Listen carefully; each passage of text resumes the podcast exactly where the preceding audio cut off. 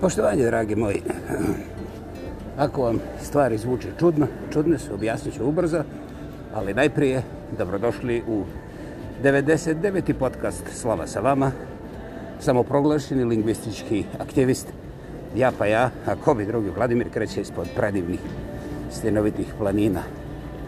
Danas je ovdje ono što ja recimo nikad nisam volio.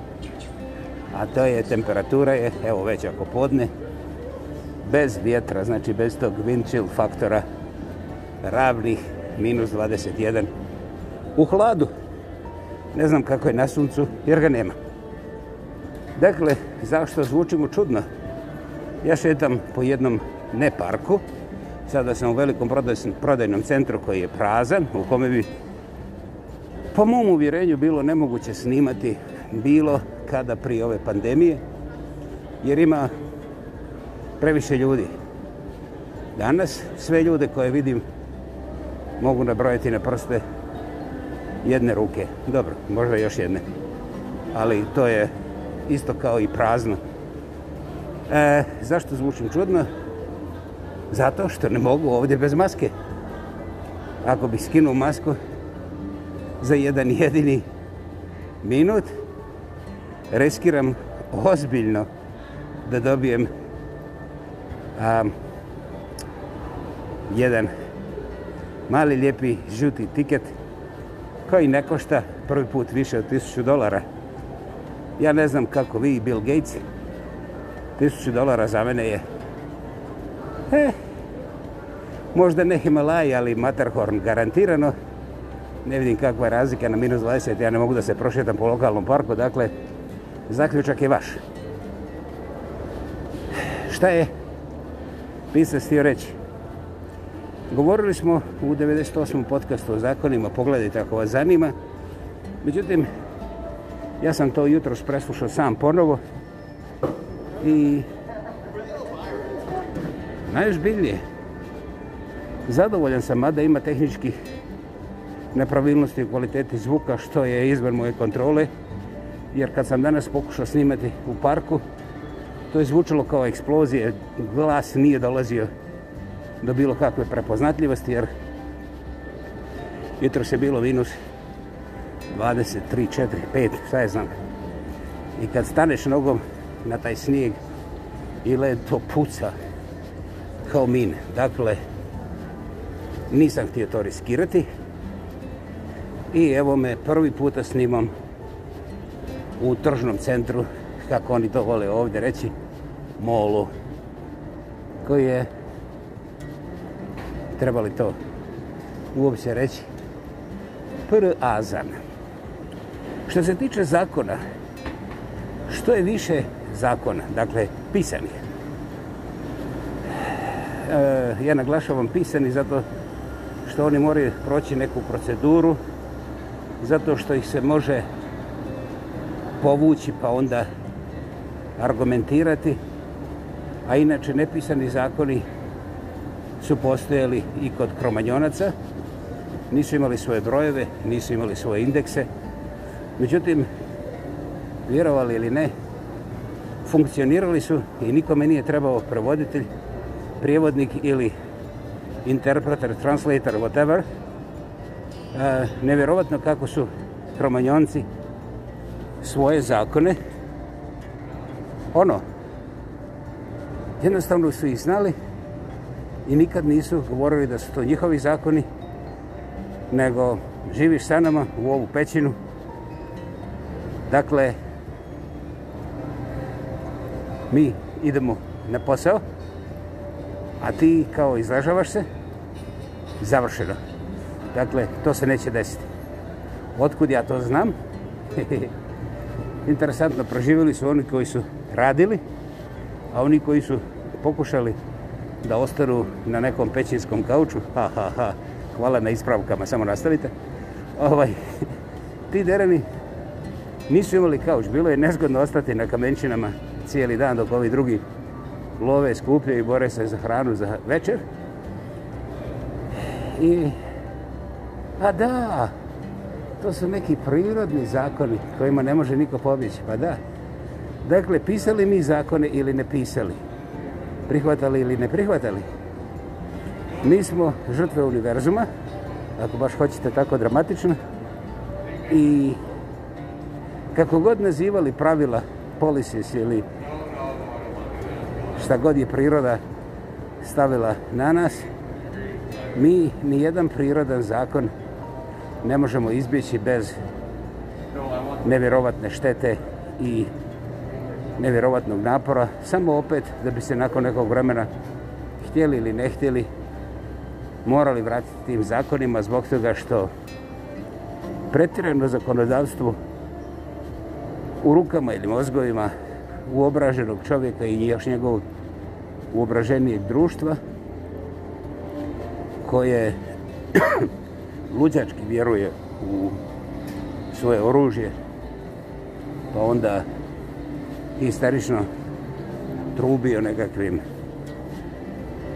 znanjima i sposobnostima, superiornostima, posebno onim genetičkim koje još uvijek cijela civilizacija tek dodiruje u smislu razumijevanja. Dakle, htjeli ili ne htjeli, prirodni zakoni a ja se nikad ne bi suprostavio kad čovjek kaže Boži, su iznad svega i ne pitaju nikoga za demokratsko mišljenje, pa čak ni kapitalističko, ni komunističko, ni ostale te abrakadabrije koje služe Mišku, Six Pack i sličnoj ekipi da bi se napusavali. A čiji je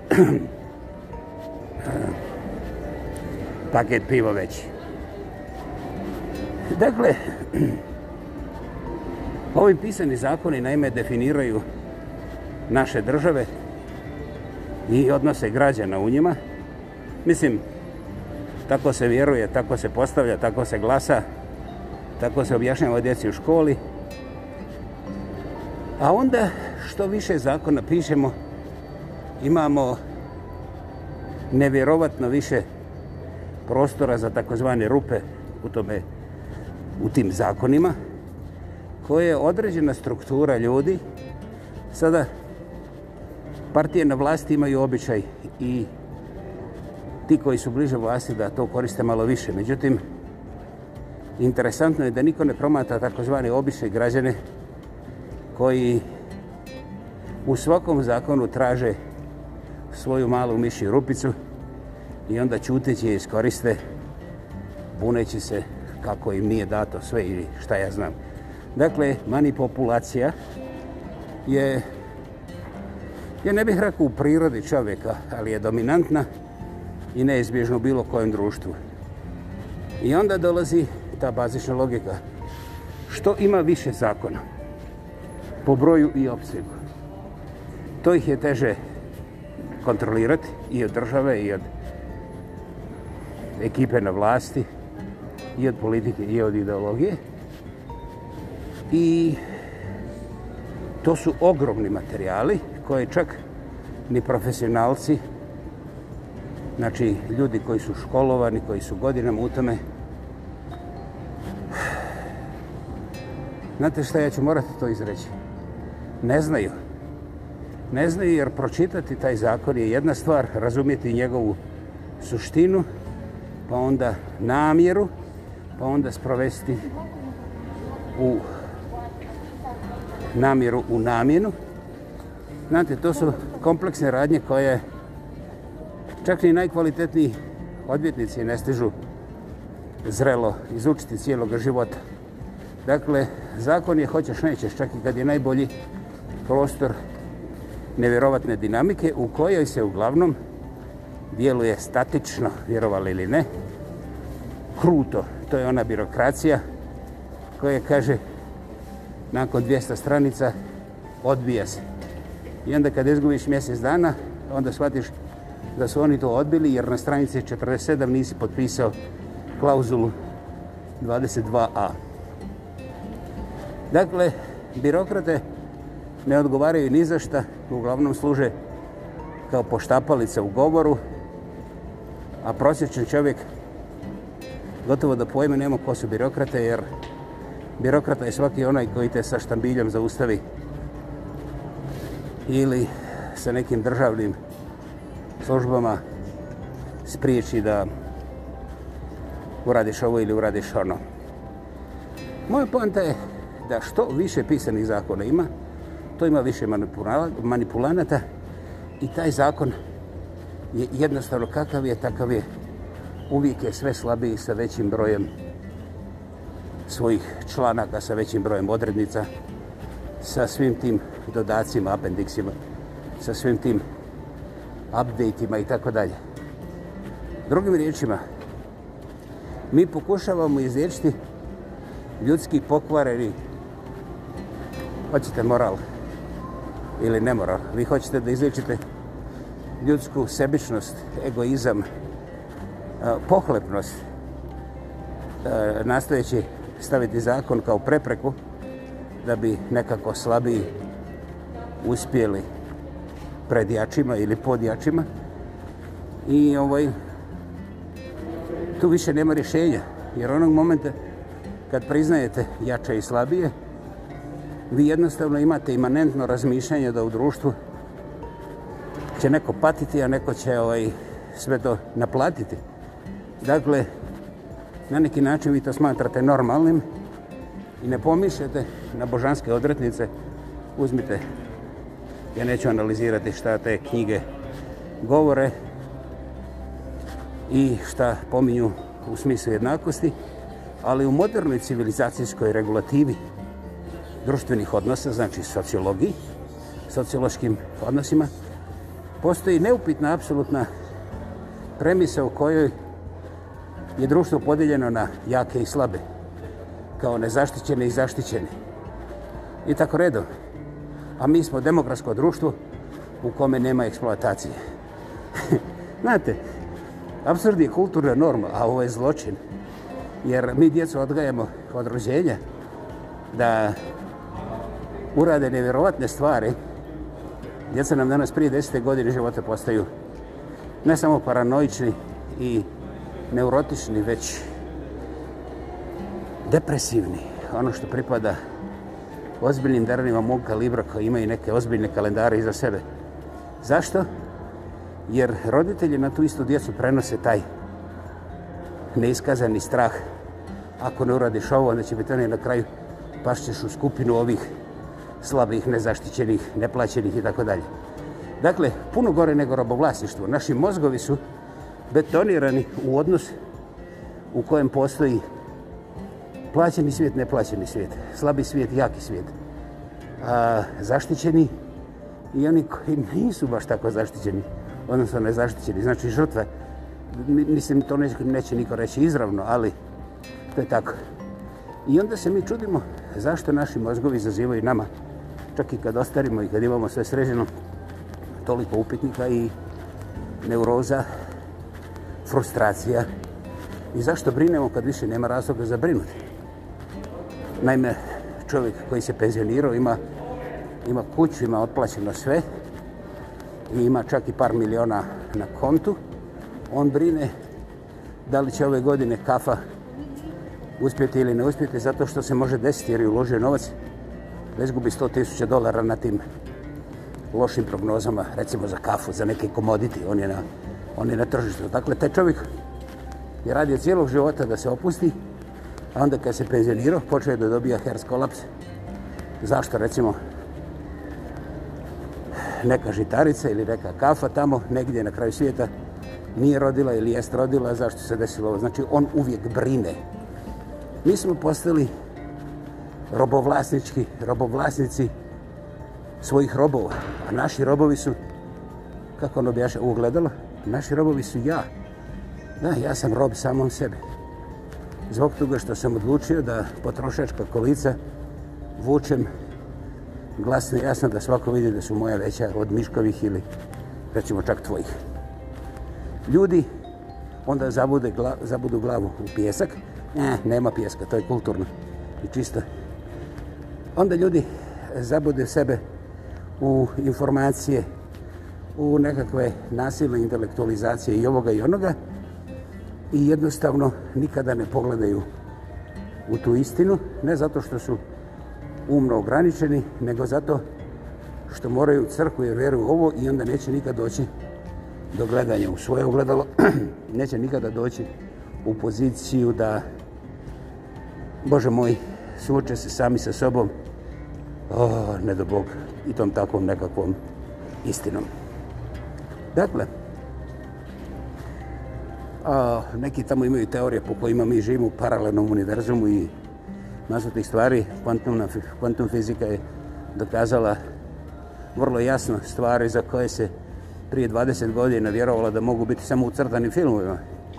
Naravno, to nikoga ne zanima jer ljudi brinu da li će možda Rusiju ispiti da stave dva plinska cjevovoda prema zapadu i da onda se desi nekakva promjena na tržištu velikih energenata. Nje, što je na primjer puno manje važno nego recimo da ja danas imam dobre cipele na minus 20, jer ovaj, dok ja se sredim oko toga plina mogu da umrem koliko hoćeš puta. U ostalom to nije ni važno. Važno je da mi u svojim vlastitim košama bez ičijeg pritiska sami sebe pritiskamo do nevjerovatnih nivo, nivoa i ovaj da u stvari živimo jedan intenzivno sadomazohistički život, jednu dinamiku vrlo bolesnog odnosa prema samom sebi i jednu dinamiku dokazivanja moj zakon bolje od tvog zakona. Razumiješ? Moj kadilak bolje od tvog kadilak. Međutim, čovac sa strane govori, halo, kreteni, ovaj tamo ima ispuhane pet guma od, od ukupno četiri, a tvome kadilaku se puši sa zadnjih sjedala nešto je zapaljeno. A vas dvojica se svađate i dalje, čiji kadilak je već. Mislim, onda dođe četvrti i kaže, ne, ne, da ovaj nije bio žute boje, ne bi se zapalio.